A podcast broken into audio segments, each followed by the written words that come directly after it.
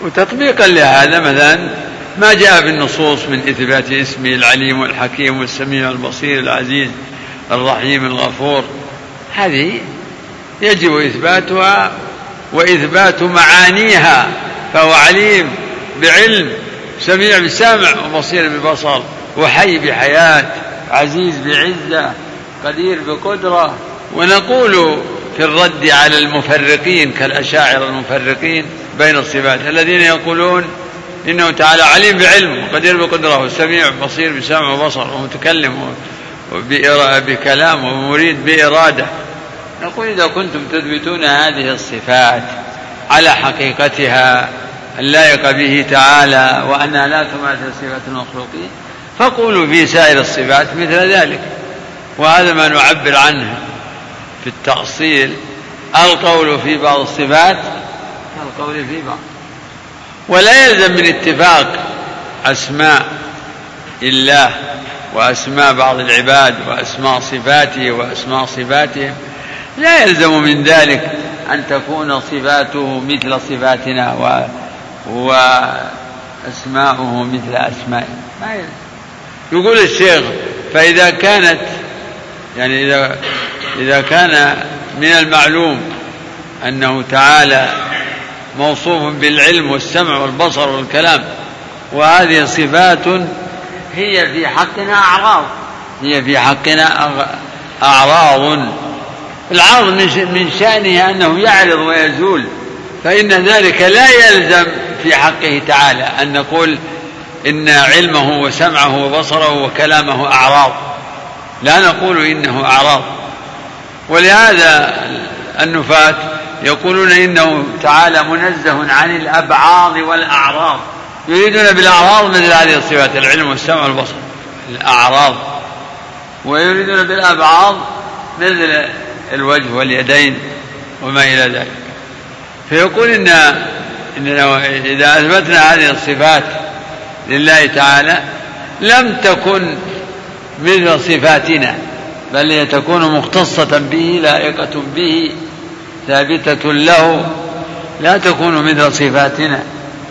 وهكذا نقول في في الصفات الأخرى. نقول كما قلتم في الوجه في العلم والسمع والبصر كذلك تقول في الوجه واليدين والعينين والقدمين. يعني إنها ثابتة له ولا يلزم من ذلك أن تكون أجساما أجساما يثبت لها ما يثبت. لصفات المخلوقين. بحيث تماثل أجسام المخلوقين. فصفاته لا تسمى أعراضا ولا لا تسمى أعراضا كالعلم والسمع ولا تسمى أجساما كاليد والوجه. لا تسمى أجساما لأن العرض من شأنه يعرض ويزول. والجسم فيه كلام طويل في تعريفه ومنها أن الجسم هو المركب من الجواهر المفردة. وهذا ما لا يليق إطلاقه على الله ولا على شيء من صفاته.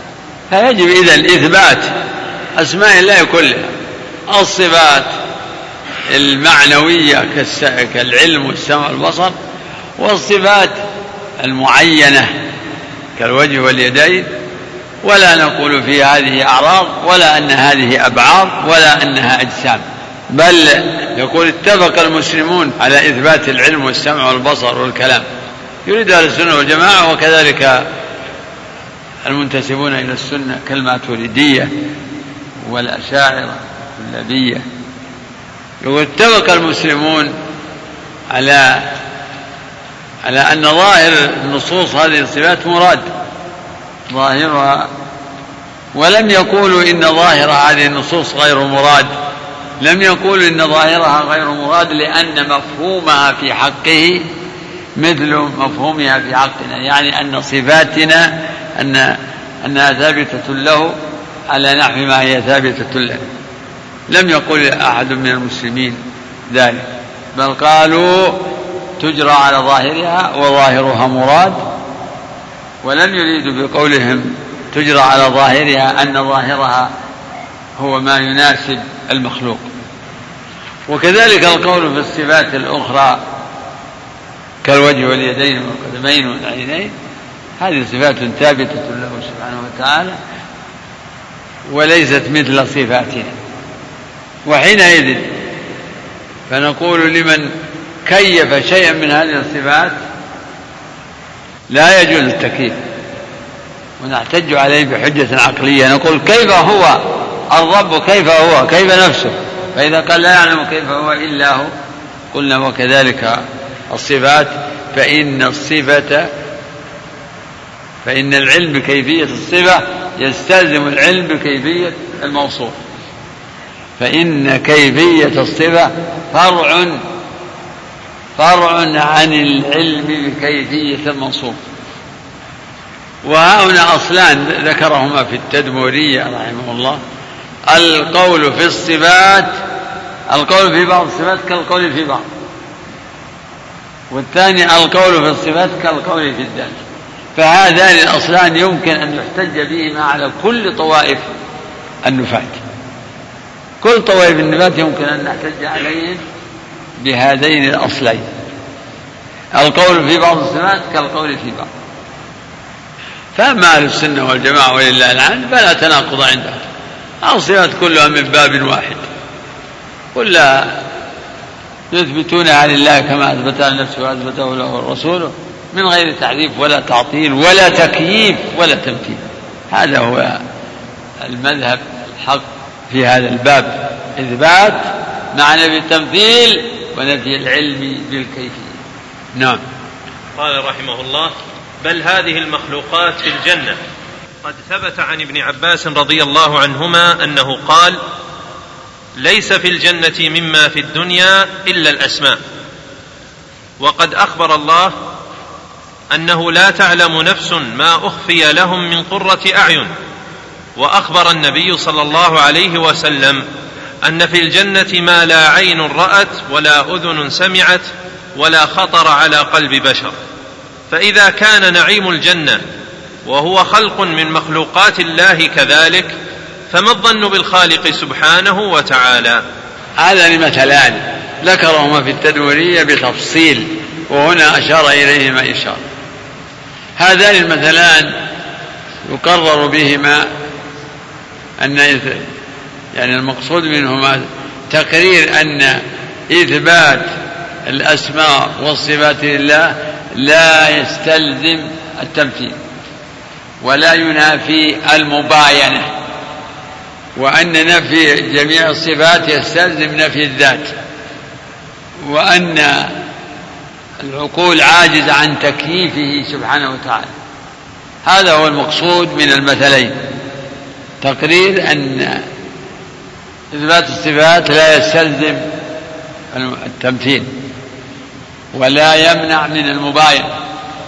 وأن إثبات الصفات وأن نفي جميع الصفات يستلزم نفي الذات. وأن إثبات الصفات لا يستلزم التشبيه.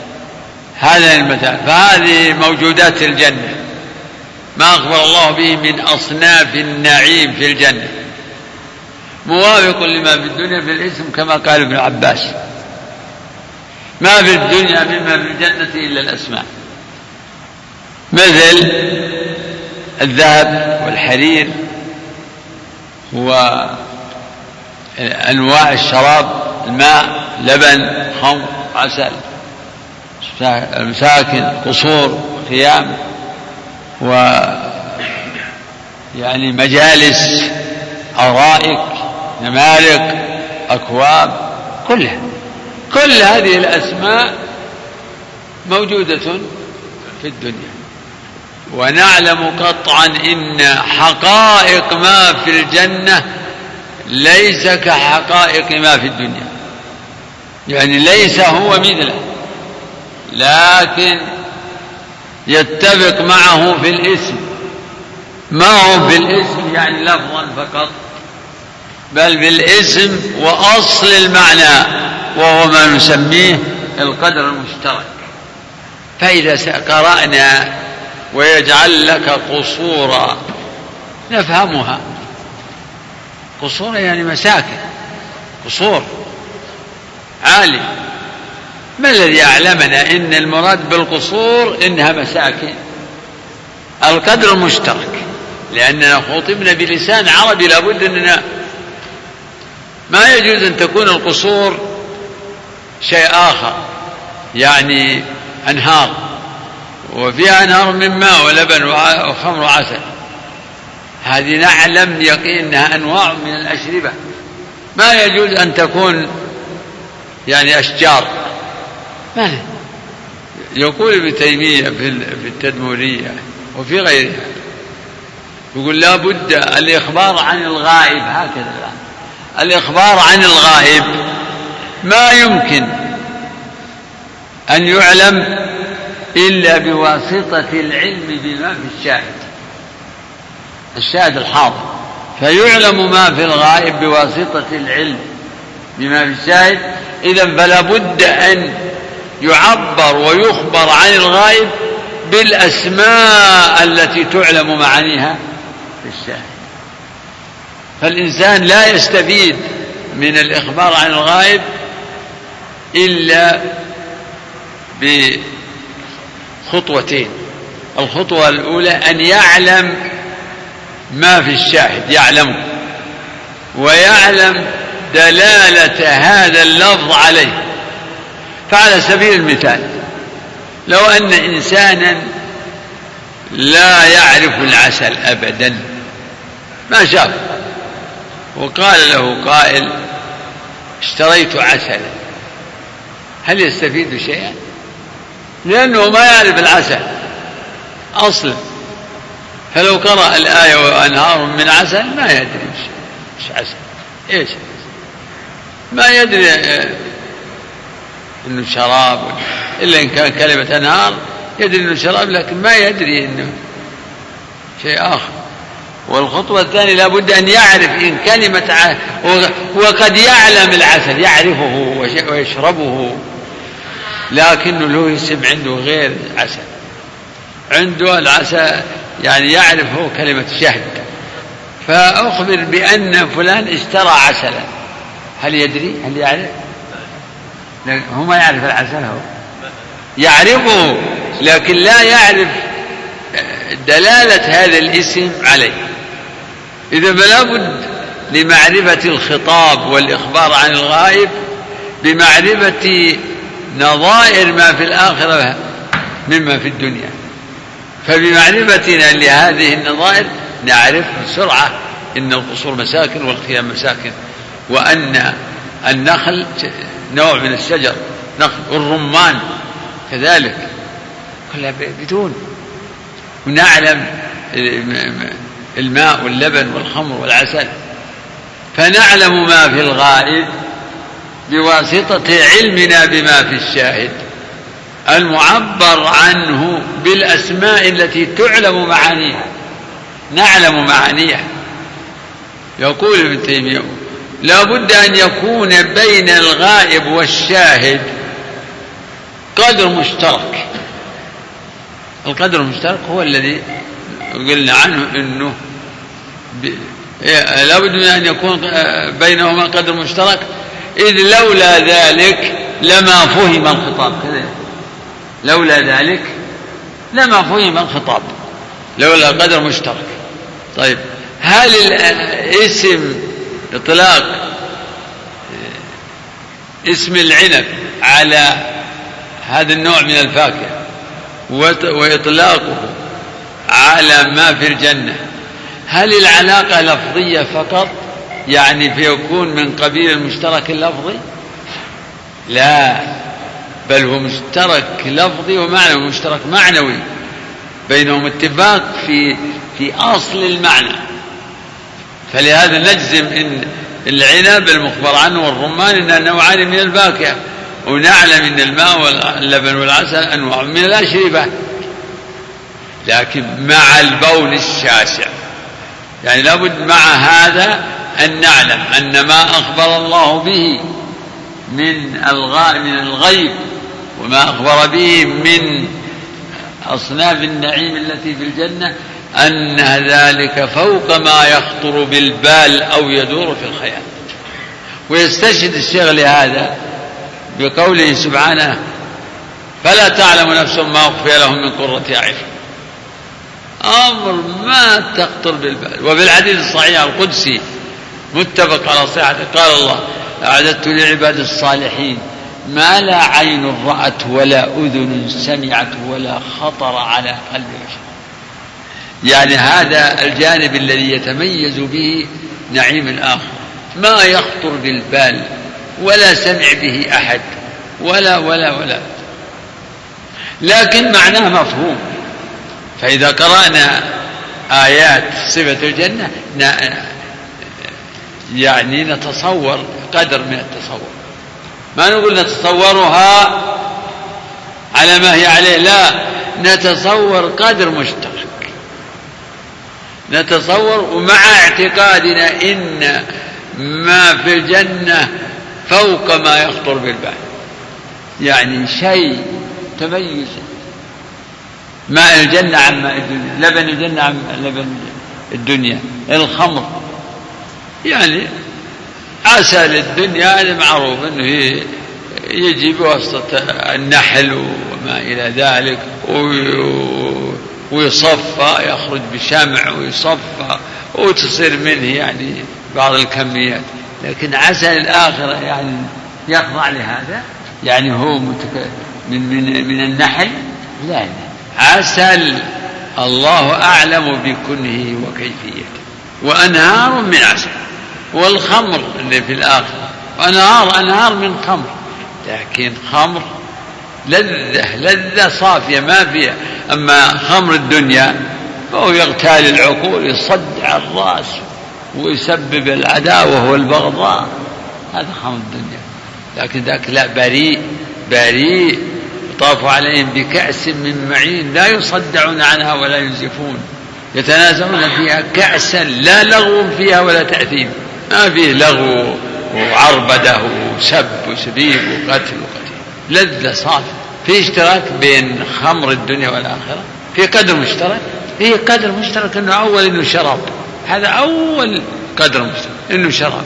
وأنه يبعث يعني فيه لذة خاصة ويبعث على السرور. لكن ما يغتال العقل بحيث يصير الإنسان يتحول عليه لا لا. بريء. وخمر طاهرة سقاهم ربهم شرابا طهورا هذا مثل أشار إليه الشيخ في هذا الموضع وقد أوضحه ومسبوق إليه فيما أظن يعني مسبوق يعني ممن سلف من أهل العلم. المثل الثاني الروح. يقول في التدمرية الروح التي فينا. المثل الثاني هذه الروح التي فينا في أبداننا. هذه اختلف فيها الناس. وتبين فيها ثلاثة مذاهب أو إجمالية. واحد إن هذه الروح التي فينا إنها قديمة وإنه لا تكون بها أي صفة فليست ليست جسما ولا عرضا ولا كذا ولا كذا وليست داخل البدن ولا خارجه ولا داخل العالم ولا خارجه. وهذا قول الفلاسفة في الروح. والقول الثاني قول طوائف من المتكلمين يقولون بعضهم يقول الروح هي الجسم. هذا الجثة هذا هو الروح. بعضهم يقول لا الروح هو الدم. بعضهم يقول الروح هو النفس المتردد. هذا يقول الهواء بالشهيق والزفير والأكسجين. بعضهم يقول إنه المزاج يعني مجموع الطبائع يعني وبعضهم إلى أو الحرارة الغريزية. أو يقولون إن الروح جزء من البدن مثل الكبد والطحال. يعني فيه جزء من هالجسم هذا قال الروح. قولان متقابلان. والقول الثالث وهو الصحيح أن الروح يعني كائن حقيقي موجود موصوف بصفات ثبوتية وسلبية مثل كذا أنها تذهب وتجي وتقبض وترسل. وتسمع وتبصر وتتكلم وأنها كذا وأنها كذا وأنها تعذب وتنعم تتألم وتلتذ. ولكن مع هذا كله فهي مغايرة للأجسام المشهودة مغايرة ليست مثله. فالقول الأول والثاني باطلان لأن الفلاسفة يصفونها بما يلحقها بممتنع الوجود. يقول ابن تيمية في التدمرية يصفونها بما يصفون به واجب الوجود وهي صفات تلحقها بالمعدوم والممتنع. صفات تلحقها بالمعدوم والممتنع. والمتكلمون يعني جعلوها من جنس الأجسام المشاهدة. يقول بالحرف الواحد وكل وكلا القولين خطأ. والقول الوسط هو معنى ما ذكرت. إنها حقيقة موجودة موصوفة بصفات ثبوتية وسلبية حسب ما دلت عليه النصوص. فيقول لك هذا مثل. كيف بعد هذا التقرير؟ يقال هذه الروح الآن اللي فينا العقول عاجزة عن تكييفها. أفلا تكون عن تكييف الله وتكييف صفاته أعجز؟ هذا هو تطبيق المثل في جانب التكييف. العقول عاجزة عن تكييفها وتحديدها. إذا فلا بد أن تكون عن تكييف الله وتكييف صفاته أعجز طيب. ومن وصف الروح بتلك الصفات السلبية ألا, ألا يكون معطلا لوجودها؟ ومن شبه بالأجسام المشهودة ألا يكون مشبها لها بغير بغير شكلها؟ آه. يقول فكذلك هذا للتطبيق فكذلك من نفى عن الله صفاته فقد جحد وجود وجوده وشبهه بالمعلوم وبالممتنع يكون جاحدا معطلا لرب العالمين. ومن شبهه بغيره من المخلوقات كان مشبها ممثلا كما قلنا في الروح يعني فالله أولى. فإذا كانت الروح مع هذه الحال مع أنها غائبة عنه وعاجزة موصوفة بصفاته وموصوفة بصفاتها والعقول عاجزة عن تكييفها وهي مباينة لغيرها من المخلوقات فالله تعالى أولى أن تكون العقول عاجزة عن تكييفه وأن يكون سبحانه وتعالى ثابتا بحقيقة الإثبات مستحقا لما له من الصفات. هذا المثل الثاني المقصود منه تقرير عجز العباد عن تكييف ذاته وصفاته. وتقرير أن إثبات الصفات لا يستلزم المماثلة بل يكون الله مباينا لخلقه في ذاتهم وصفاتهم أعظم من مباينة الروح لسائر الأجسام أعظم من مباينة الروح. فهذه الروح التي هي مخلوقة مباينة للأجسام المشهودة ولها صفات قائمة بها فالله تعالى أولى ألا يلزم من إثبات الصفات من صفاته مماثلته للمخلوقات وهو أولى أن يكون مع ذلك مباينا لخلقه. بل هو تعالى أعظم مبا... أعظم مباينة لخلقه من مباينة المخلوق للمخلوق. والله أعلم. أكمل. قال رحمه الله وهذه الروح التي في بني آدم قد علم العاقل اضطراب الناس فيها وإمساك النصوص عن بيان كيفيتها. عن بيان كيفيتها ولا النصوص تحدثت عن الروح. نعم جاء في القرآن في الحديث أشياء كثيرة عن الروح. الله يتوفى الانفس حين موتها والتي لم تمت في منامها يمسك التي قضى عليها الموت. هي النفس المطمئنة والنفس الأمارة نفس اللوامة. صفات كل هذه صفات لها. نعم. أفلا يعتبر العاقل بها عن الكلام في كيفية الله تعالى مع أننا نقطع بأن الروح في البدن وأنها تخرج منه وتعرج إلى السماء وأنها تسل منه وقت النزع كما نطقت بذلك النصوص الصحيحة. تسل من الجسد جسد الميت كما تسل الشعرة من العجينة نفس المؤمن. نعم. لا نغالي في تجريدها غلو المتفلسفة ومن وافقهم. لا نغالي في تجريدها عن الصفات غلو الفلاسفة. نعم.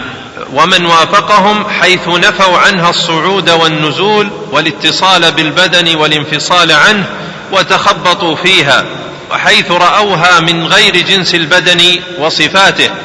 فعدم مماثلتها للبدن لا ينفي أن تكون هذه الصفات ثابتة لها بحسبها إلا أن يفسروا كلامهم بما يوافق النصوص فيكونون قد أخطأوا في اللفظ وانى لهم بذلك.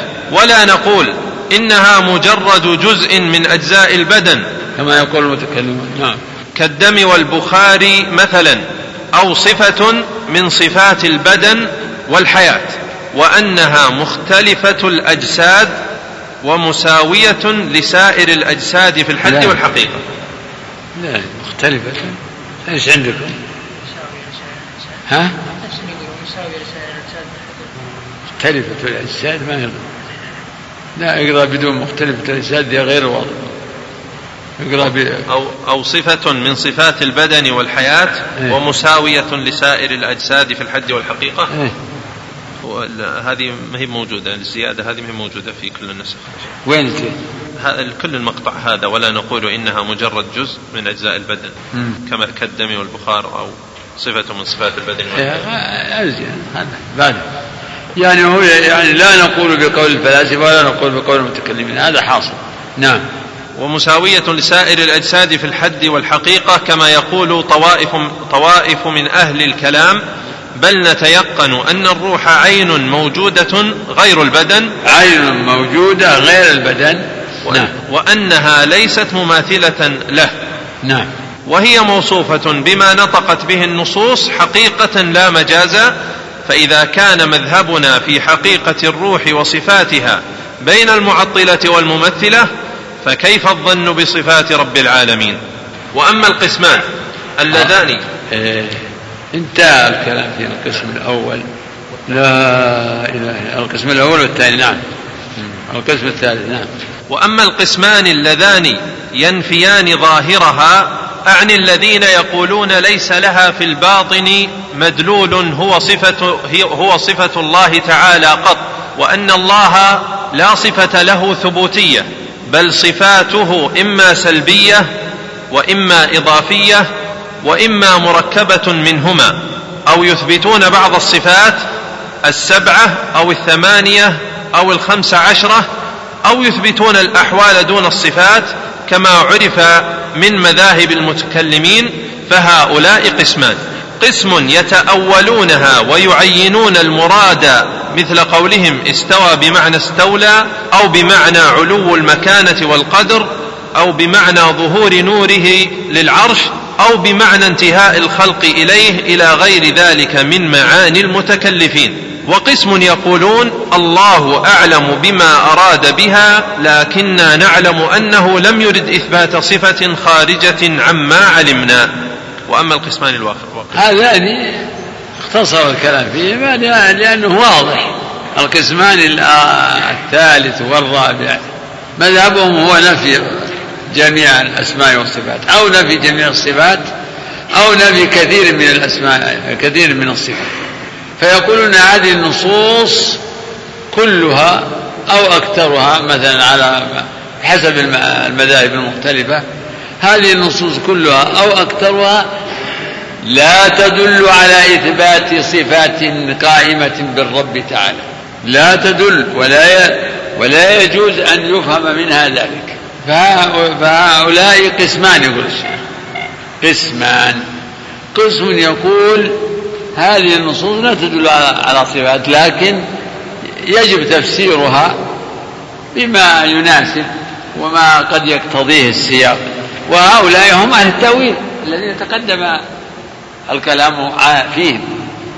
والقسم الثاني يقول بل هذه النصوص تجرى على ظاهرها من غير أن يكون لها مدلول يراد من العباد أن يفهموه وأن يعرفوه.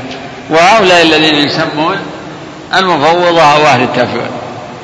سبق أني ذكرت أن أهل التفويض وأهل التأويل يتفقون جميعا على نفي ما نفوا من الصفات. كلا أو بعضا يتفقون على النفي. لكن أهل التأويل يفسرون النصوص. يفسرونها. بمثل التفسير استوى استوى استولى واليد القدرة والغضب الإرادة أو أو العقوبة نفسها أو والرحمة والمحبة يفسرون إما بالإرادة وإلا بالنعم وما إلى ذلك. وأما التفويض فيقولون بل هذه النصوص لا نفسرها وهي لا يفهم لا يعلم معناها وتأويلها إلا الله. فلا يجوز أن نتكلم بها بل نمرها ألفاظا من غير فهم لمعناها. ويقولون يجوز أن يخاطب الله عباده بما لا معنى له أو بما لا يفهم منه شيء أو بما لا يفهمه أحد. يجوز. وهذه الكلمات والعبارات في التدمرية موجودة. وهذا القول باطل وإن كان يحلو لبعض الناس مذهب التفويض. لكن قولهم هذا يتضمن أن القرآن لا يكون هدى ولا شفاء ولا بيان وأن الله خاطب عباده بما لا يفهم منه شيء بألفاظ لا يفهمون لها شيء ولا ينبغي لهم أن يتفهموها لأنه لا يعلم معناها إلا الله. فهذان القسمان الثالث والرابع من أقسام الناس في نصوص الأسماء والصفات. ويبقى القسم الثالث والرابع وهم الواقفة. هذا هذا يقول السلام عليكم ورحمة الله وبركاته. فضيلة الشيخ إني أحبك في الله. لدي طلب وفيه نفع لطلبة العلم الحاضرون عموما أو الحاضرين عموما أو الحاضرين وعموما. فبعدما فبعد أن قاربنا على الانتهاء من الفتوى الحموية نريد أن نقرأ كتابا في الرقائق أو الزهد أو أعمال القلوب. ككتب ابن رجب رحمه الله. لعل الله أن يلين القلوب. إن شاء الله يكون خير. نعم. وهذا يقول فضيلة الشيخ أحسن الله إليكم هل الصحيح أن الأسماء مشتقة منها الصفات أم أن الصفات مشتقة منها الأسماء؟ وكيف الرد على من قال أن الصفات تشتق منها الأسماء؟ وجزاكم الله خيرا. هذا من جهة اللغة العربية مشتق ما مشتق. حتى كلمة مشتق هذا افتراضي. يعني اللي مشتق لو تجيب قماش وتقطع منه وتفصل الثوب نقول الثوب هذا مشتق من ال... من من طاقة القماش. هذا اشتقاق حسي ما لكن الاشتقاق اللغوي اللي في عند العرب عند النحويين. ما معناه إن هذه الكلمة جاءت؟ يقولون إن المشتقات عشرة أظن عشرة. والمشتق منها المشهور المشهور أظنه المشهور أن المشتق منه هو المصدر. ما شاء الله. يعني يقولون الضرب. هذا هو المصدر. ضرب يضرب ضربا. ضرب يضرب ضربا طيب ضارب. مشتق المشتق هو ضد الجامد. ضارب مشتق ولا جامد؟ مشتق الجامد مثل لو تقول حجر. حجر يابس. لا حتى ماء مشتق ولا ولا جامد؟ جامد. على الاصطلاح. طيب. ومضروب هذا مشتق. وضرب يعدونه مشتق الفعل. وضارب يضرب. واضرب هذه خمسة. وأفعل التفضيل. فلان أضرب من فلان. وأفعل التعجب ما أضربه. واسم الآلة المضرب وإلى آخره. طيب هل معنى ذلك أنهم جابوا الضارب وش وش وقطعوا منه ضارب؟ لا لا. هذا اصطلاح اشتقاق.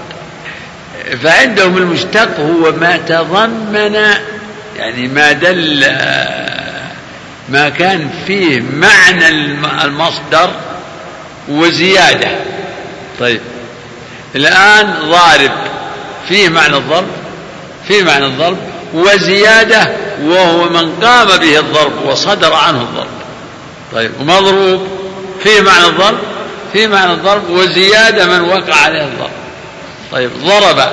فيه معنى الضرب؟ إيه في معنى الضرب. وزيادة وهو الزمن. الزمن الماضي. هذا معنى مشتق. فليس فيه واحد اشتق يعني واحد أول وبعدين جبنا الثاني قطعناه منه. أبدا. هذا اصطلاح اشتقاق. لكن تجدون في البحوث العقدية يعني أسماء الله أعلام ولا صفات؟ نقول أعلام وصفات. أعلام وصفات. أعلام من حيث أنها تدل على ذات الرب. وصفات من حيث أن كل اسم متضمن لصفة. فعزيز يدل على الذات والصفة. لكن عزة هل العزة من أسماء الله؟ العزة صفة.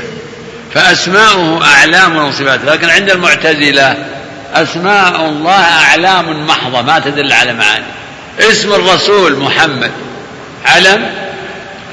علم وصفة. لكن اسمك يا فلان أو فلان الفلاني اسمه محمد. علم وصفة لا. علم بس.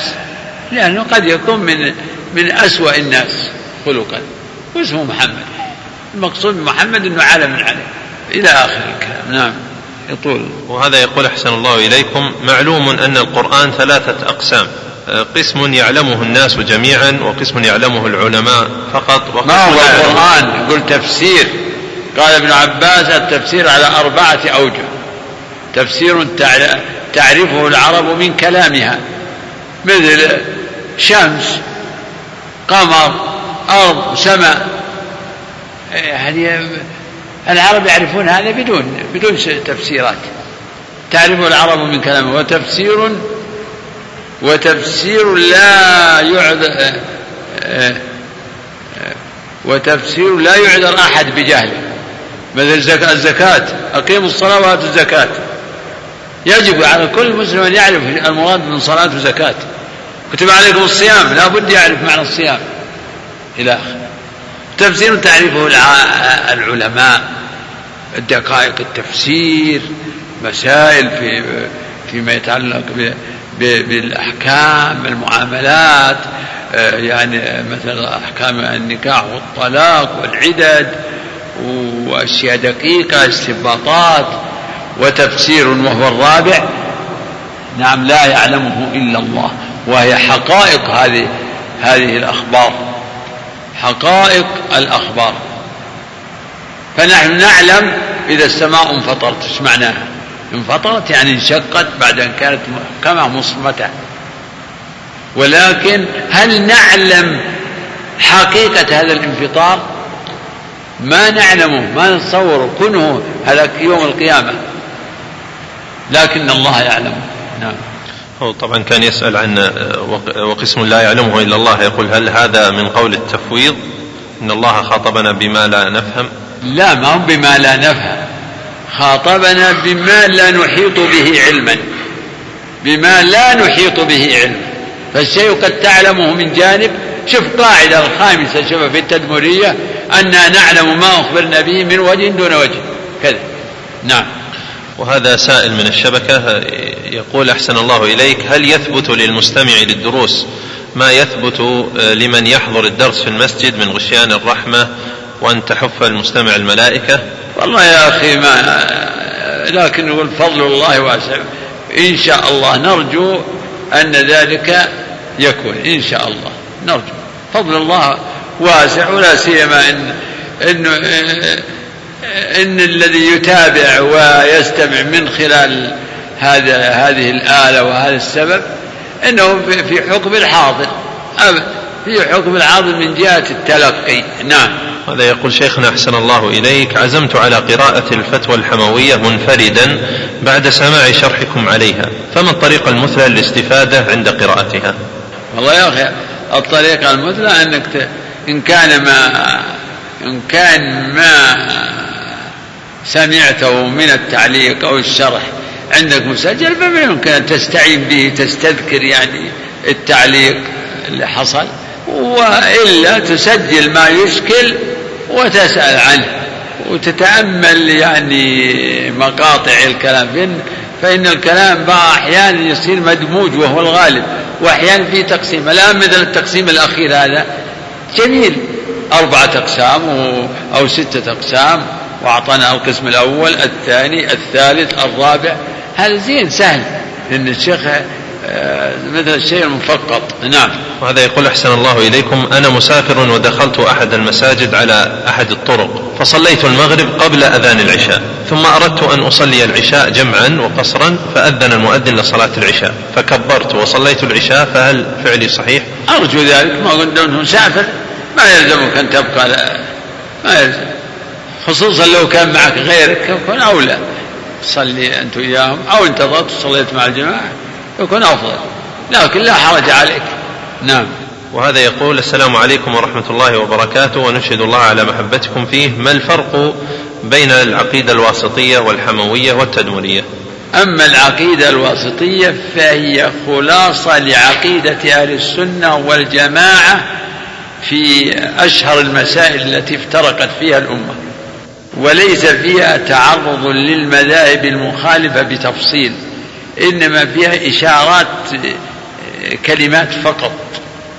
وأما التدمورية فهي يعني محورها كما في المقدمة على أصلين التوحيد والصفات والثاني الشرع والقدر. من أول وهلة. يبين الشيخ مدارها وتكلم عن موضوع التوحيد والصفات يعني استغرقت ثلثي الرسالة على الأقل أو ثلاثة أرباع كلها في الأصل الأول. ثم الأصل الثاني موضوع الشرع والقدر وعرض في هذا لمذاهب الناس في أسماء الله وصفاته. مذهب الفلاسفة والجهمية والمعتزلة والأشاعرة بل والباطنية. وتضمنت التدمرية أصول يعني في تقرير هذا العلم علم الأسماء والصفات والرد على الخصوم أصول. وقواعد عظيمة ومفيدة وعرض لكثير من المسائل التي يعني اختلف فيها المتكلمون. وذكر المثلين ضرب المثل بموجودات الجنة وضرب المثل بالروح إلى آخره. وأما الحموية فمحورها هو ذكر الأدلة ذكر يعني أولا ذكر الأدلة العقلية على أن الرسول صلى الله عليه وسلم قد بين للأمة ما يجب اعتقاده في رب العالمين مما يجب له ويجوز عليه ويمتنع عليه ما يجب اعتقاده مما يجب له أو يجوز عليه أو يمتنع عليه. ذكر الأدلة العقلية وبين ما يستلزمه قول النفاة من الباطل. وذكر مسألة العلو خصها بقدر من الكلام مسألة العلو وأنه قد تضافرت على إثبات صفة العلو الأدلة من الكتاب والسنة والإجماع والآثار عن السلف إلى آخره. وذكر عاد بعد ذلك نقول عن عن بعض المصنفين في أصول الاعتقاد وأن كل الذين نقلوا مذهب السلف كلهم يقررون أن مذهبهم إثبات العلو لله على سائر المخلوقات وإثبات الاستواء لله تعالى على عرشه. إلى آخره. نعم. هذا يقول أحسن الله إليكم شيخنا الفاضل. قال شيخ الإسلام كل قسم عليه طائفة من أهل القبلة. فهل قسماء الواقفة من المتأولين من أهل القبلة؟ لا من أهل القبلة. قال لك قال لك عن أحد من هذا عليه كثير من من الفقهاء. هل يخرجون على أهل القبلة يعني الملاء الكفار. نعم. هذا يقول أحسن الله إليك. ذكر شيخ الإسلام أن الأقسام الستة كل قسم منها عليه طائفة من أهل القبلة ثم ذكر المشبهة من تلك الأقسام إيه؟ والمعلوم أن السلف قاطبة يقولون بكفر المشبهة. حتى المعطل يقول بكفر لكنهم في الإجمال عدد من أهل القبلة. نعم. ها؟ لا ما في شيء حتى يعلن يعلن يعلن إن شاء الله. وهذا أحسن الله إليك. يقول الكرامات التي ذكرها شيخ الإسلام في الفرقان كلها صحيحة ويجب التصديق بها؟ ما أدري والله أعدد لي منها وعلى كل حال القاعدة معروفة. يعني من أصول أهل السنة الإيمان بكرامات الأولياء هذا على سبيل الإجمال. أما ما يذكر في كتب التاريخ ويذكر في آه، الروايات والمؤلفات عن الكرامات هذا يتوقف على الصحة. يعني منها ما هو ثابت وصحيح مثل ما جاء في يعني مما جاء في القرآن أو جاء في أحاديث صحيحة أو في أخبار صحيحة. أما ما لا فيصبح الأمر يعني قد يكون ما يروى من من الكرامات أو الخوارق آه، يمكن أن يوزن بالميزان الشرعي قد يكون حقا قد يقال إنه ممكن يمكن صحيح. ومنهم ما قد يقال هذا لا هذا غلط ما هو صحيح. نعم. هذا يقول ما المقصود بالصفات المركبة من السلب والإضافة؟ والله ما عندي لها يعني وضوح مثال سبق مرت علينا في في أول الحموية ولا تركيبتها كذا لا هي الصفات السلبية هي صفات النفي والإضافية معروفة وسبق التمثيل والتوضيح للإضافية. إنها مثل الأبوة والبنوة والأخوة والقبلية والبعدية. فعند الفلاسفة أنه أن الله لا يوصف بأي صفة ثبوتية بل إما صفات ثبوتية أو سلبية سلبية أو إضافية. إلى آخره نعم. ويسأل أيضا يقول ما المقصود بالأحوال؟ في قول المؤلف ويثبتون أو يثبتون الأحوال دون الصفات الأحوال آه، الذي آه، ظهر لي إنها النسب. النسبة يعني فيها ملان فيه موصوف وصفة. هذا معقولة معقولان وموجودان. وفيه النسبة بين الصفة والموصوف هل في شأن ثالث؟ هل في أمر ثالث؟ ولهذا يقولون إن إن من الأمور التي لا حقيقة لها أحوال أبي هاشم. فالصواب أنه ما ليس هناك شيء يقال لها أحوال. ما ما تم إلا الصفة والموصوف. عندنا العالم والعلم الذي قام به بس. ما في شيء ثالث. نعم. السؤال الأخير يقول ما الفرق بين النفس والروح؟ هل هما شيء واحد؟ وجزاكم الله خيرا. إيه في بالنسبة للمخلوق إذا قيل خرجت نفسه هو يساوي خرجت روحه. وصعدت نفسه أو صعدت روحه. والله يتوفى الأنفس حين موتها يعني النفوس الأرواح وما أشبه ذلك. في بحوث عن الروح طويلة. بعضهم يقول إن أكثر ما يطلق اسم الروح على نفس إذا انفصلت وفارقت ويطلق عليها اسم النفس إذا كانت متصلة بالبدن. ولكن نخرج إن النفس هي الروح والروح هي النفس. والنفس تطلق على أشياء والروح تطلق على أشياء. ذكروا هذا. فالنفس تطلق على الدم أيضا.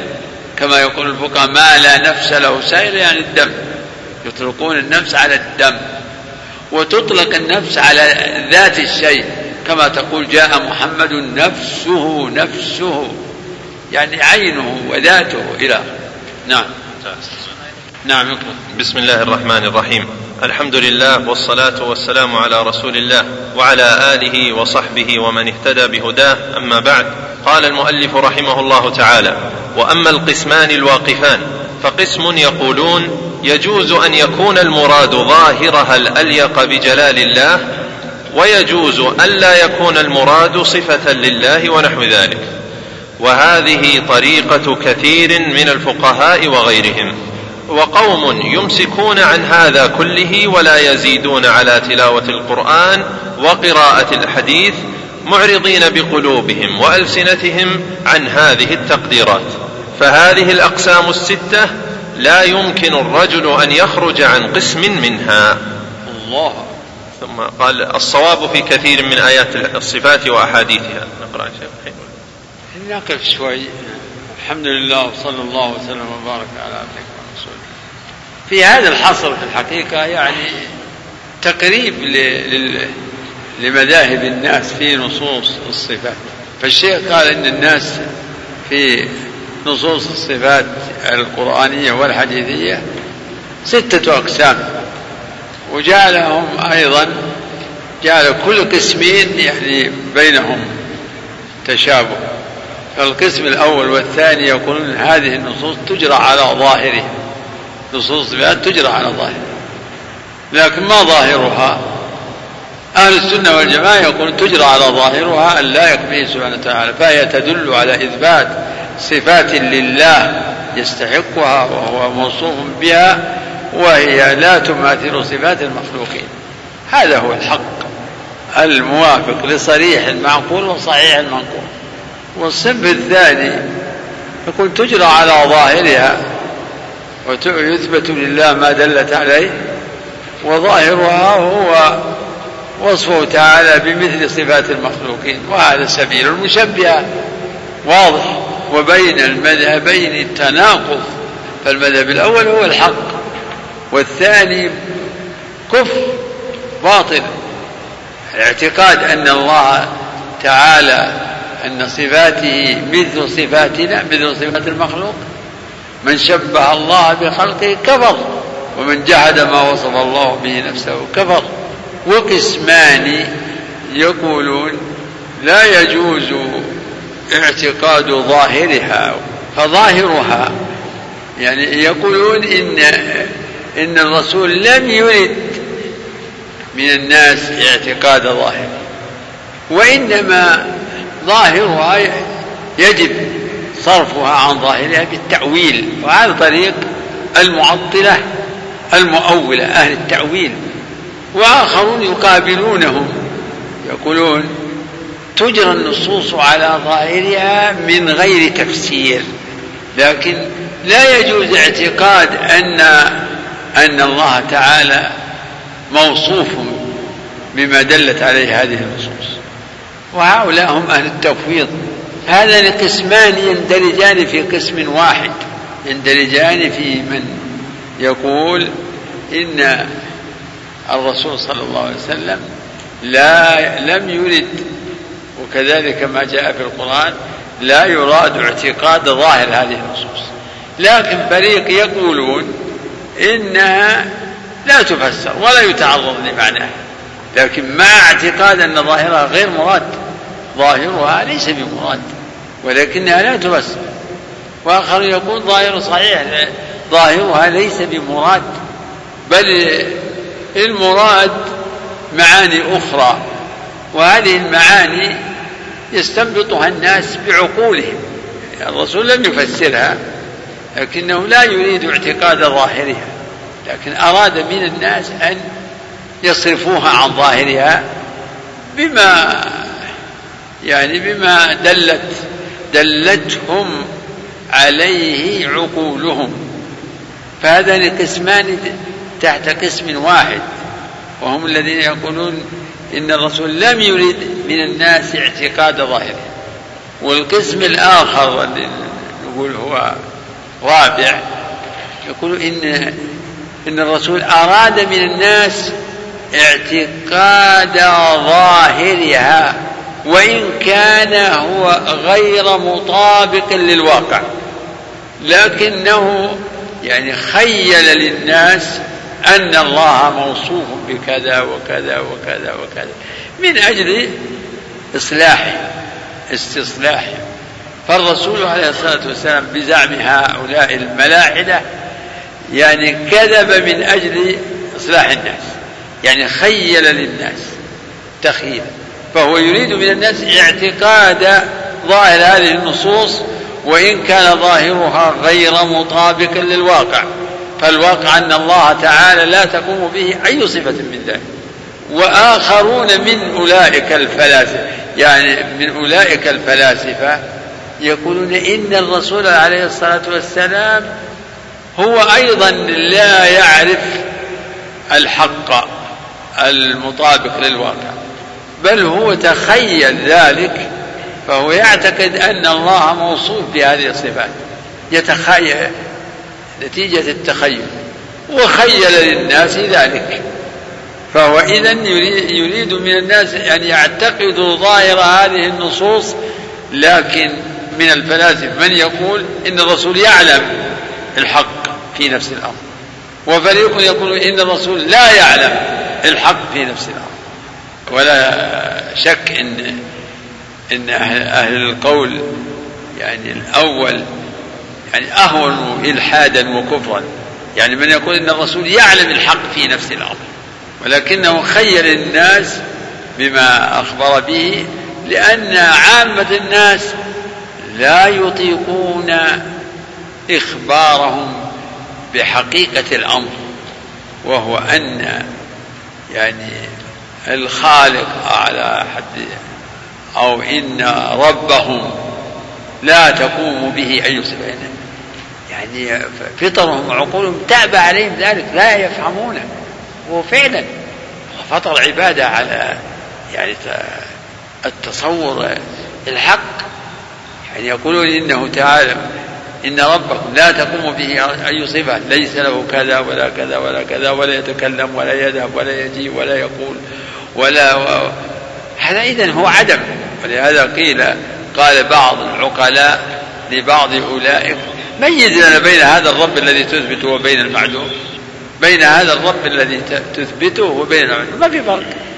القسم الثالث الرابع أو الخامس والسادس الواقفة الذين يتوقفون عن الحكم والكلام في اعتقاد ظاهر النصوص أو عدم اعتقاده. يقول الشيخ إن الواقفة قسمان قسم يقولون إنه يجوز أن يكون ظاهرها مرادا. شوف يجوز. هذا غير من يقول إن ظاهرها غير مراد أو يقول ظاهرها مراد. يقول يجوز أن أن يكون ظاهرها مرادا وأن هذه الصفات قائمة بالله تعالى على وجه يختص به. ويجوز ألا يكون ظاهرها مرادا وأن الله تعالى غير موصوف بهذه الصفات. احتمال. يعني هذا هذه مراوغة. يعني حطوا يعني آه، بين المعطلة والمثبتة. هذا معناه إنهم ما ما أثبتوا شيء. كلمة يجوز في تردد. فهم لا ينفون الصفات إذا ولا يثبتونها. هل هم مع المثبتة؟ لا. مع النفاة المعطلة؟ لا. يقول يجوز إن أن يكون الحق مع الذين يثبتون الصفات ويجوز أن يكون الحق مع النفاة. فهم مترددون.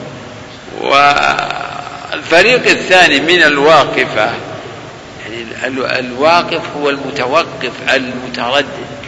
الصنف الثاني هم الذين لا يتكلمون في ظاهر النصوص. لا بنفي ولا إثبات فلا يقولون إن ظاهرها مراد ولا ظاهرها غير مراد ولا يقولون يجوز أن يراد بها كذا ويجوز أن يراد بها كذا. لا يتكلمون فيها بشيء فمثلهم يعني مثل الساكت الذي عرض عليه يعني الشيء والكلام وسكت. فهم يعني يمكن تقول إن يعني لا يؤيدون حقا ولا يعارضون باطلا ما يتكلمون. ولا شك أن كل من المذهبين باطل. فالذين يقولون يجوز معناه إن عندهم شك في الحق. ومن شك في الحق فهو كالمكذب به. الذي يقول إنه يجوز أن يكون هناك بعث ويجوز أن لا يكون بعث هذا مؤمن بالبعث هذا شك. كافر. وهذا الذي يقول يجوز ويجوز معناه إنه شاك في إثبات الصفات. شاك يعني لم يؤمن بأن لله صفات كما أخبر به ذلك عن نفسه وأخبر به عنه رسوله. وكذلك الساكت الذي لا لا يقول يعني لا يعتقد الحق ولا الباطل معرض. قال الله والذين كفروا عما أنذروا معرضون. هو ما يتكلم. فكأن مثل هذا مثل يقول أنا أنا هذا الأمر لا يعنيني. ما لي شغل بالجميع.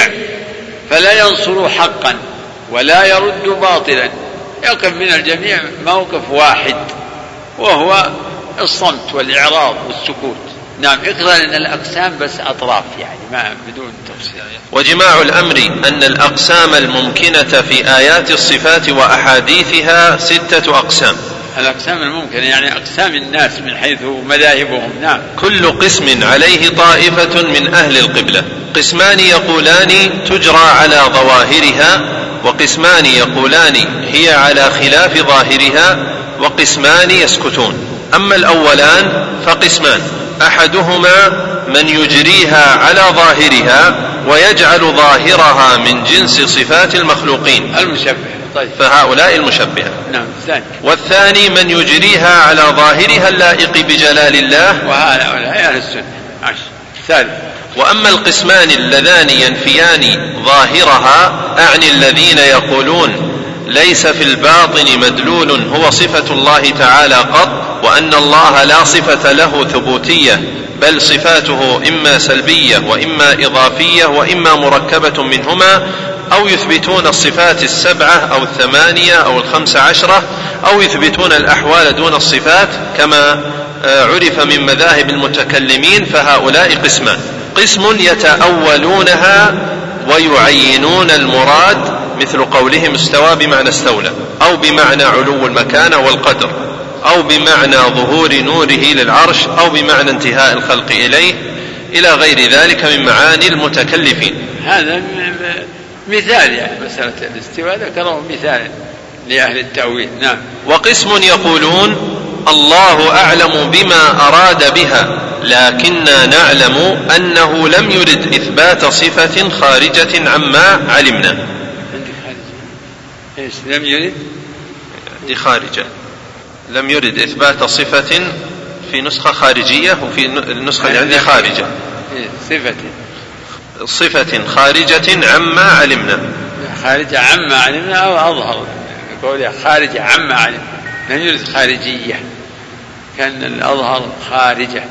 خارجة عما علمنا. وأما القسمان الواقفان. لا. إيش قال هذا القسم هذا الرابع هذا انتهى الكلام عليه. بس كذا السطر هذا. أي نعم وقسم يقولون الله أعلم بما أراد بها لكننا نعلم أنه لم يرد إثبات صفة خارجة عما علمنا. أستغفر الله أستغفر صار في الحقيقة يعني الشيخ هذه الأقسام أقسام لأهل القبلة حصرهم. أنا دخلت معهم الفلاسفة والفلاسفة لا يعد لا يعدهم الشيخ من من أهل القبلة. فلو أراد الشيخ أقسام الناس في نصوص الصفات مطلقة يعني من أهل القبلة وغيرهم لصار ثمانية. أنا في الحقيقة يعني في عرضي الأخير اللي ذكرته ظننت إن إن الفلاسفة أحد هؤلاء الأقسام. والشيخ يقول إن إن يعني إن الناس في نص صفات ستة. ستة أقسام. كل قسم عليه طائفة من من أهل القبلة. والفلاسفة الملاعدة ليسوا من أهل القبلة. يعني الذين يقولون إن الرسول عليه الصلاة والسلام يعني النبوة تخيل وتخيل وإن الرسول يعني أخبر الناس بما تخيله وأنه لا يعرف الحق في نفس الأمر أو أنه يعرف الحق لكنه آه، خاطب الناس على قدر عقولهم فأخبر بما أخبر به مراعاة لعقول الجمهور يقول. عقول الجمهور لا تحتمل فهم الحق في نفس الأمر والحق عندهم أن الله تعالى واحد مجرد عن جميع الصفات. نعم الخامس الواقفة نعم. وأما القسمان الواقفان فقسم يقول يجوز أن يكون المراد ظاهرها الأليق بجلال الله ويجوز. أن لا يكون المراد صفة لله ونحو ذلك. نعم. وهذه طريقة كثير من الفقهاء. وقوم طريقة كثير من من الفقهاء. هي طريقة كثير من الفقهاء. يعني وغيرهم أتباع المذاهب لأنه دخل عليهم. يعني دخل عليهم مذهب التعطيل ونفي الصفات. نعم. كثير من متأخري أتباع المذاهب الأربعة. نعم. وقوم يمسكون عن هذا كله ولا يزيدون على تلاوة القرآن وقراءة الحديث. ومنهم أميون لا يعلمون الكتاب إلا أماني أي, أي تلاوة. ما لا يدرون شيئا ولا يتدبرون ولا يفكرون ولا يحكمون ولا يثبتون ولا ينفون. ولا ينكرون. نعم. معرضين بقلوبهم وألسنتهم عن هذه التقديرات. عن هذه التقديرات؟ عن يعني المذاهب المتقدمة. نعم. بعد. فهذه الأقسام الستة لا يمكن الرجل أن يخرج عن قسم منها. نعم. الصواب في كثير من آيات الصفات وأحاديثها القطع بالطريقة الثابتة كالآيات والأحاديث الدالة على أن الله سبحانه فوق عرشه. وتعلم طريقة الصواب في هذا وأمثاله بدلالة الكتاب والسنة والإجماع على ذلك. دلالة لا تحتمل النقيض وفي بعضها قد يغلب على الظن ذلك مع احتمال النقيض. وتردد المؤمن في ذلك هو بحسب ما يؤتاه من العلم والإيمان. ومن لم يجعل الله له نورا فما له من نور. ومن اشتبه عليه ذلك أو غيره فليدعو بما رواه مسلم في صحيحه عن عائشة رضي الله عنها قالت كان رسول الله صلى الله عليه وسلم إذا قام من الليل يصلي يقول اللهم رب جبرائيل وميكائيل وإسرافيل فاطر السماوات والأرض عالم الغيب والشهادة أنت تحكم بين عبادك فيما كانوا فيه يختلفون اهدني لما اختلف فيه من الحق بإذنك إنك تهدي من تشاء إلى صراط مستقيم. وفي رواية لأبي داود كان يكبر في صلاته ثم يقول ذلك. فإذا افتقر العبد إلى الله ودعاه وأدمن النظر في كلام الله وكلام رسوله وكلام الصحابة والتابعين وأئمة المسلمين انفتح له طريق الهدى. ثم إن كان قد خبر نهايات إقدام المتفلسفة والمتكلمين في هذا. بعد عرض أقسام الناس وبعد المقدمات الطويلة اللي في أول الحمويه والوجوه العقلية والدلائل النقلية في على إثبات صفات جملة وعلى إثبات صفة العلو خاصة والاستواء. هنا بعد ذكر هذه الأقسام يبين إن الصواب هو ما عليه أهل السنة والجماعة. لكن المسائل الاعتقادية العلمية أو المسائل العملية تختلف درجات أحكامها بحسب درجات الأدلة. فهناك مسائل يعني يمكن أن تكون قطعية لا تحتمل النقيض.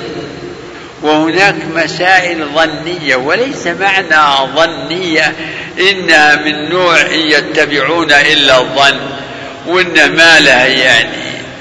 لا ظنية في الاصطلاح إنها يعني درجة الاعتقاد هي درجة الظن الغالب.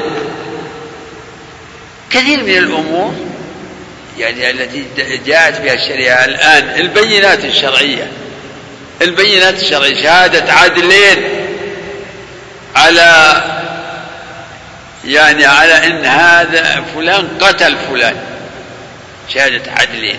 هل إيش تفيد؟ يعني هل تصل إلى درجة القطع مثل الشمس هذه؟ يعني يجوز. الظن غالب وبينة لأنه يمكن أن يكون قد غلط توهم أخطأ ليسوا بما لكنها بينة. توجب عملا توجب قضاء وحكما.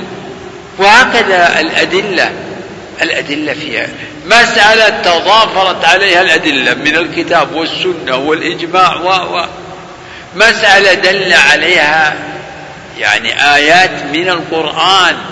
مسألة دلت عليها السنة المتواترة. مسألة دلت عليها مثلا يعني حديث صحيح من أصح الأحاديث. مسألة دلت عليها يعني دل عليها حديث حسن في حسن لذاته وفي حسن لغيره. يعني إذا هي مراتب. ولكن هذا ما يوجب إذا كان يحتمل النقيض أو إنه يعني يوجب ظنا إنه يعني يطرح وأنه لا يؤمن به. لا بل يجب الإيمان به واعتقاده.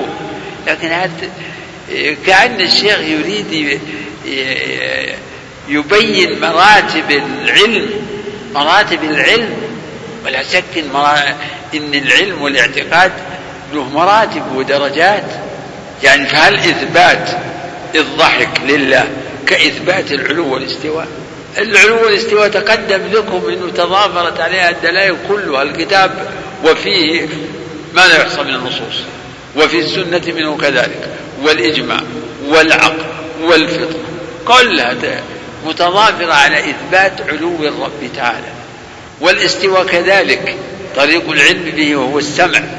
ذكر في سبع آيات وجاءت فيه الأحاديث وهكذا إثبات يعني صفات كثيرة يعني تضافرت عليها الأدلة ومنها مثلا إثبات الرؤيا منها إثبات النزول تواترت في في دلالة عليها السنة.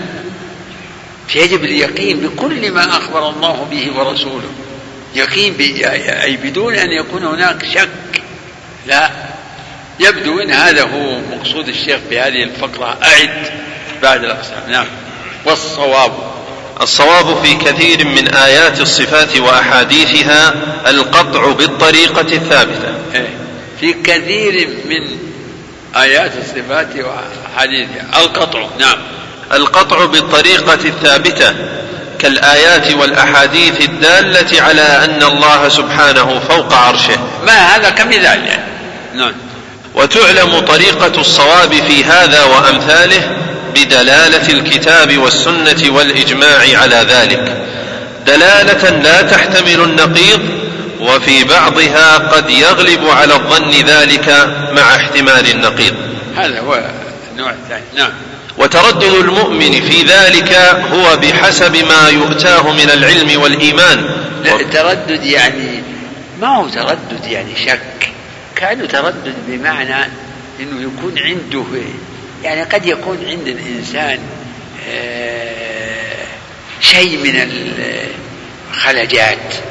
يصير عنده عنده شيء من آه، يرد على قلبه بعض الشبهات يرد على قلبه. وإن لم تصل إلى درجة الاعتقاد أو إلى درجة الشك فهذا التردد يقول الشيخ إنه بحسب يعني ما يقوم بالقلب من يقين و وعين يقين هو بحسب ما يؤتاه العبد من العلم والإيمان. كلما كان الإيمان أصح والعلم أتم كلما كان الطمأنينة واليقين والانقياد ولهذا يرشد الشيخ في هذه الحال يعني ينبغي للمسلم ألا يعني أن أن أن يكثر من هذا الدعاء الذي يكون سببا في هدايته. حديث دعاء الاستفتاح في قيام الليل. اللهم رب جبرائيل وميكائيل إلى آخره. بل ودعاء الفاتحة في كل ركعة. اهدنا الصراط لكن ال ال ال الذي يظهر إن الغالب إن هذا هذا مثل هذا الدعاء يجري على اللسان أكثر وأقوى من جريانه على القلب. اهدنا الصراط المستقيم. اهدنا الصراط المستقيم. صراط الذين أنعمت عليهم غير المغضوب عليهم ولا الضالين. وتردد نعم. وتردد المؤمن في ذلك هو بحسب ما يؤتاه من العلم والإيمان ومن لم يجعل الله له نورا فما له من نور. الله أكبر. الله أكبر. اللهم اهدنا لما اختلف نعم. ومن اشتبه عليه ذلك أو غيره فليدع بما رواه مسلم في صحيحه عن عائشة رضي الله عنها قالت كان رسول الله صلى الله عليه وسلم إذا قام من الليل يصلي يقول اللهم رب جبرائيل وميكائيل وإسرافيل فاطر السماوات والأرض عالم الغيب والشهادة أنت تحكم بين عبادك فيما كانوا فيه يختلفون اهدني لما اختلف فيه من الحق بإذنك إنك تهدي من تشاء إلى صراط مستقيم. وفي رواية لأبي داود كان يكبر في صلاته ثم يقول ذلك. يعني يدل هذا على أنه يقول في الاستفتاح نعم.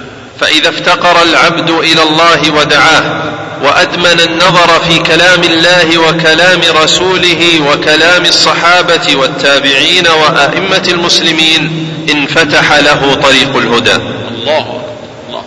ثم إن كان قد خبر نهايات إقدام المتفلسفة. يقول الشيخ في الختام الآتي يقول مما مما يزيد العبد اهتداء معرفة الباطل. إذا عرف الإنسان وجه بطلان الباطل هذا أكمل يقينا وأكمل إيمانا من إنسان يعني ما يعرف وجه بطلان الباطل. إنما يعني إيمانه يعني قائم على مجرد التسليم وإن كان هذا طريق سلامة وطريق نجاة لكن من من عرف الحق يعني عرف الحق حقا ورأى الحق حقا ورأى الباطل باطلا هذا أكمل ممن آمن بالحق وكفر بالباطل إجمالا وإن كان لا يعرف. وجه بطلان. وفي الدعاء المشهور المذكور اللهم أرني الحق حق وأرني الباطل باطلا. يكون عنده فرقان. فالشيخ يريد يقول في الكلام الآتي إن الذين دخلوا في علوم الكلام في علم الكلام وأبحروا فيها وتعمقوا ثم تبين لهم وانكشف لهم بطلان هذه الأقاويل وهذه الأنظار. هؤلاء أقرب إلى النجاة والسلامة ممن ليس كذلك. ولكن الخوف على واحد خاض بعلم الكلام ولم ولم يصل إلى عمقه بحيث ينكشف له فساده. فهذا هو الذي يخشى عليه. ونسمع عبارات الشيخ في هذا الخصوص. نعم. ثم إن كان قد خبر نهايات إقدام المتفلسفة والمتكلمين في هذا الباب. خبر نهايات إقدام المتكلمين والفلاسفة. خبر نهاياتهم وما انتهى إليه أمرهم. نعم. وعرف غالب ما يزعمونه برهانا وهو شبهة. رأى أن غالب ما يعتمدونه يؤول إلى دعوى لا حقيقة لها أو شبهة مركبة من قياس فاسد أو قضية كلية لا تصلح إلا جزئية. لا تصلح ولا لا تصح؟ أنا عندي تصلح يا عندك إيه؟ لا تصح. نعم. أو قضية كلية لا تصح إلا جزئية أو دعوى إجماع لا حقيقة له أو التمسك في المذهب والدليل بالألفاظ المشتركة ثم إذا ثم إن ذلك إذا ركب بألفاظ كثيرة طويلة غريبة غريبة عمن لم يعرف اصطلاحهم أوهمت الغر ما يوهمه السراب للعطشان. ازداد إيمانا وعلما بما جاء به الكتاب ازداد. هذه لابد اربطها. وين ترتبط به؟ ضد طالت العبارة. إذا خبر. إذا خبر حقيقة يعني ما يذكره الفلاسفة من أقيسة ونظريات ودعاوى وما إلى ذلك؟ نعم. ازداد إيمانا. نعم ازداد. ازداد إيمانا وعلما بما جاء به الكتاب والسنة. فإن الضد يظهر حسن الضد. حسنه الضد. عندك إيش؟ حسن الضد. يصلح البيت أصل البيت حسنه. حسنه هذا بيت. نعم. وكل من كان بالباطل أعلم كان للحق أشد تعظيما وبقدره أعرف. فأما ثانية وكل وكل من كان بالباطل أعلم يعني أعلم بوجه بطلانه وما يتضمنه من الفساد والمناقضة للعقول والمناقضة للحكمة وما يتضمنه من من الآثار السيئة نعم. كان تمسكه بالحق؟ نعم. كان للحق أشد تعظيما وبقدره أعرف. الله. فأما المتوسط من المتكلمين فيخاف عليه ما لا يخاف على من لم يدخل فيه وعلى من قد أنهاه نهايته. هذا المتوسط اللي ما وصل إلى العمق وعرف الخلل والفساد. هذا بين بين هذا بين بين لم. لم يبقى في بر السلام ولم يصل ولم يدرك خطر أعماق البحر. ما عرف لا هذا ولا هذا. صار. على خطر من الهلاكة. نعم. فإن من لم يدخل فيه هو في عافية ومن أنهاه قد عرف الغاية. فما بقي يخاف من شيء آخر. فإذا ظهر له الحق وهو عطشان إليه قبله. وأما المتوسط فمتوهم بما. فمتوهم بما تلقاه من المقالات المأخوذة تقليدا. إيه. فيتوهم. يتوهم كان عندك متوهم؟ فمتوهم. لا فيتوهم. أحسن. وأما المتوسط فيتوهم بما تلقاه من المقالات المأخوذة تقليدا لمعظمه وتهويلا. وقد قال الناس أكثر ما يفسد الدنيا نصف متكلم نصف متكلم ونصف متفقه ونصف متطبب ونصف نحوي. هذا يفسد الأديان وهذا يفسد البلدان وهذا يفسد الأبدان وهذا يفسد اللسان. هذا من اللف والنشر المرتب. وقد قيل أعد الكلمات. وقد قال الناس أكثر ما يفسد الدنيا نصف متكلم. نصف متكلم هذا يفسد الأديان. نعم. ونصف متفقه. هذا اللي يقول إنه يفسد البلدان. يعني لأن هذا المتفقه فيما يتصل بمعاملات الناس وتصرفاتهم وعلاقات بعضهم من بعض. نعم. ونصف متطبب. هذا يفسد الأبدان. ونصف نحوي. هذا يفسد اللسان. فذكرهم الشيخ يعني إجمالا ثم ذكر ما يترتب. فهذا نعم. فهذا يفسد الأديان. وهذا يفسد الأبدان. البلدان. البلدان. وهذا يفسد الأبدان. وهذا يفسد اللسان. نعم. ومن علم أن المتكلمين من المتفلسفة وغيرهم هم في الغالب في قول مختلف يؤفك عنه من أفك يعلم الذكي منهم العاقل أنه ليس هو فيما يقوله على بصيرة وأن حجته ليست بينة وإنما هي كما قيل فيها حجج تهافت كالزجاج تخالها حقا وكل كاسر مكسور.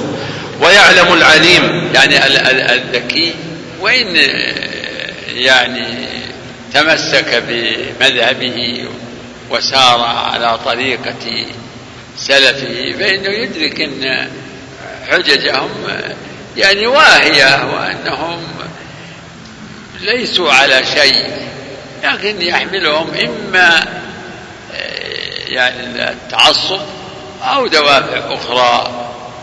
نسأل الله العافية. نعم. حجج تقع نعم. حجج. نعم. وإنما هي كما قيل فيها حجج تهافت كالزجاج تخالها حقا وكل كاسر مكسور. نعم. ويعلم العليم أنهم من وجه مستحقون ما قاله الشافعي رضي الله عنه حيث قال حكمي في أهل الكلام أن يضربوا بالجريد والنعال ويطاف بهم في القبائل والعشائر ويقال هذا جزاء من ترك الكتاب والسنة وأقبل على الكلام.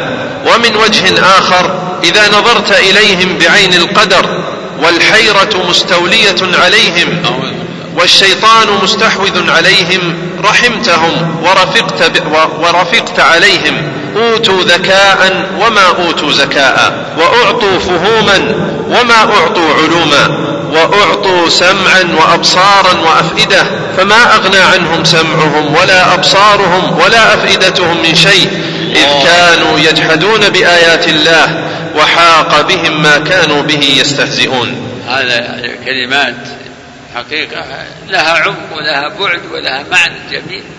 من أك يعني كثير من الأذكياء نسأل الله العافية. يعني لم يهتدوا إلى صراط الله. فهم أوتوا ذكاء. عندهم ذكاء هائل براءة. لكنهم فقدوا النور. ومن لم يجعل الله له نورا فما له من نور. الذكاء ليس نورا يا إخوان. فليس كل ذكي. أو ليس كل يعني يقال يعني اللي يقولوا ذهين ذهين ذكي. ما يقال هذا عقله مستنير وعقله لا لا. ذكي لكن عقله مظلم. النور فقط بهدى الله. بالعلم المنزل بالعلم النبوي أوتوا ذكاء وما أوتوا ذكاء لقد من الله على المؤمنين إذ بعث فيهم رسولا من أنفسهم. نعم يتلو عليهم آياته ويزكيهم ويعلمهم الكتاب والحكمة. وإن كانوا من قبل لفي ضلال. أوتوا ذكاء وما أوتوا زكاء. وأوتوا فهوما عندهم فهوم عندهم. هذا فرع من الذكاء. ولم يؤتوا علوما العلوم الصحيحة. وهذا في العلوم الغيبية والاعتقادية. وإلا فمثلا في العلوم المادية أوتوا فهوما وأوتوا علوما. علوم التجريبية العلوم التجريبية المادية لا شأن آخر. وهؤلاء الآن أذكياء. في شأن كذا وفي شأن كذا في علم الذرة وفي علم الفيزياء الكيمياء المبتكرات الهائلة العجيبة الباهرة. هذه صادرة عن ذكاء وعن فهوم ولكن هؤلاء قد حرموا النور. فعلومهم هذه كلها ليست نورا. فلما جاءتهم رسلهم بالبينات فرحوا بما عندهم من العلم. هؤلاء الذين الآن بلغ بهم يعني الذكاء والتفكير والفهوم وال في الأمور التجريبية تجدهم في في الأمور البدهيات العقدية مما جاء به الأنبياء يعني دون الصفر بعيدون كل البعد. يعني مع ذلك تجد منهم الملحد. الذي يقول هذا الكون هذا بدون بدون مدبر أو يقول مدبر طبيعي. إيش الطبيعة؟ هذه لا حقيقة هي شيء قائم بنفسه. ملاحدة. و ومنهم ومنهم ومنهم من يعرف الحق لكن يمنعه من قبوله التعصب بأي شكل من الكبر استكبار التعصب لدين الآباء والأجداد أوتوا ذكاء وما أوتوا ذكاء نعم وأوتوا فهوما ولم يؤتوا علوما أوتوا أسماعا وأبصارا كما قال أسماعا وأبصارا وأفئدة. فما أغنى عنهم ما نفعتهم هذه الأسماع والأبصار والعقول ما نفعتهم في قبول دعوة الرسل. فما أغنى عنهم سمعهم ولا أبصارهم. ولا أفئدة من شيء إذ كانوا إذ كانوا يجحدون بآيات الله وحاق بهم يجحدون بآيات الله. يأتي الرسول. إيه وين العقول؟ بدل يعني ذكي مثقف وعاقل يسجد لصنم يسجد لميت. وين وين العقل؟ تعال هؤلاء النصارى. يسجد لصليب. يعلق برقبة الصليب شكل هذا هذا الصليب اللي في, في رقبة هذا مش مادة حديدية ولا ذهبية ولا. ما أصل صليبه أصل الخشبة التي زعموا أن المسيح صلب عليه ترمز إليه. فهو يسجد لها يسجد. كما قال العلماء. يقول المفروض أن الصليب هذا يصبح بغيض. أن تبغضوه وأن تكسروه. ولكن كما قال الله فلم يسيروا في الأرض فتكون لهم قلوب يعقلون بها أو آذان يسمعون بها. فإنها لا تعمى الأبصار ولكن تحمى القلوب التي في الصدور. نعم الله أعلم. قال رحمه الله ومن كان عليما بهذه الأمور تبين له بذلك حفظ السلف وعلمهم وخبرتهم حيث حذروا عن الكلام ونهوا عنه وذموا أهله وعابوهم وعلم أن من ابتغى الهدى في غير الكتاب والسنة لم يزدد إلا بعدا. فنسأل الله العظيم أن يهدينا الصراط المستقيم صراط الذين أنعم عليهم غير المغضوب عليهم ولا الضالين. آمين. الحمد لله رب العالمين. رحم الله الشيخ وجزاه الله عنا وعن الله. الله أكبر. الحمد لله. الحمد لله على نعمة الإسلام ونعمة السنة. نسأل الله لنا ولكم العفو والعافية والبصيرة. الله أكبر. يقول في العقيدة الواسطية وهذا الباب يعني باب نصوص في باب معرفة الله. هذا الباب في القرآن كثير ما في, في, في كتاب الله كثير. من تدبر القرآن؟ من تدبر القرآن؟ طالبا للهدى منه تبين له طريق الحق. نعم حسبك. الله يوفقنا وإياك. آمين.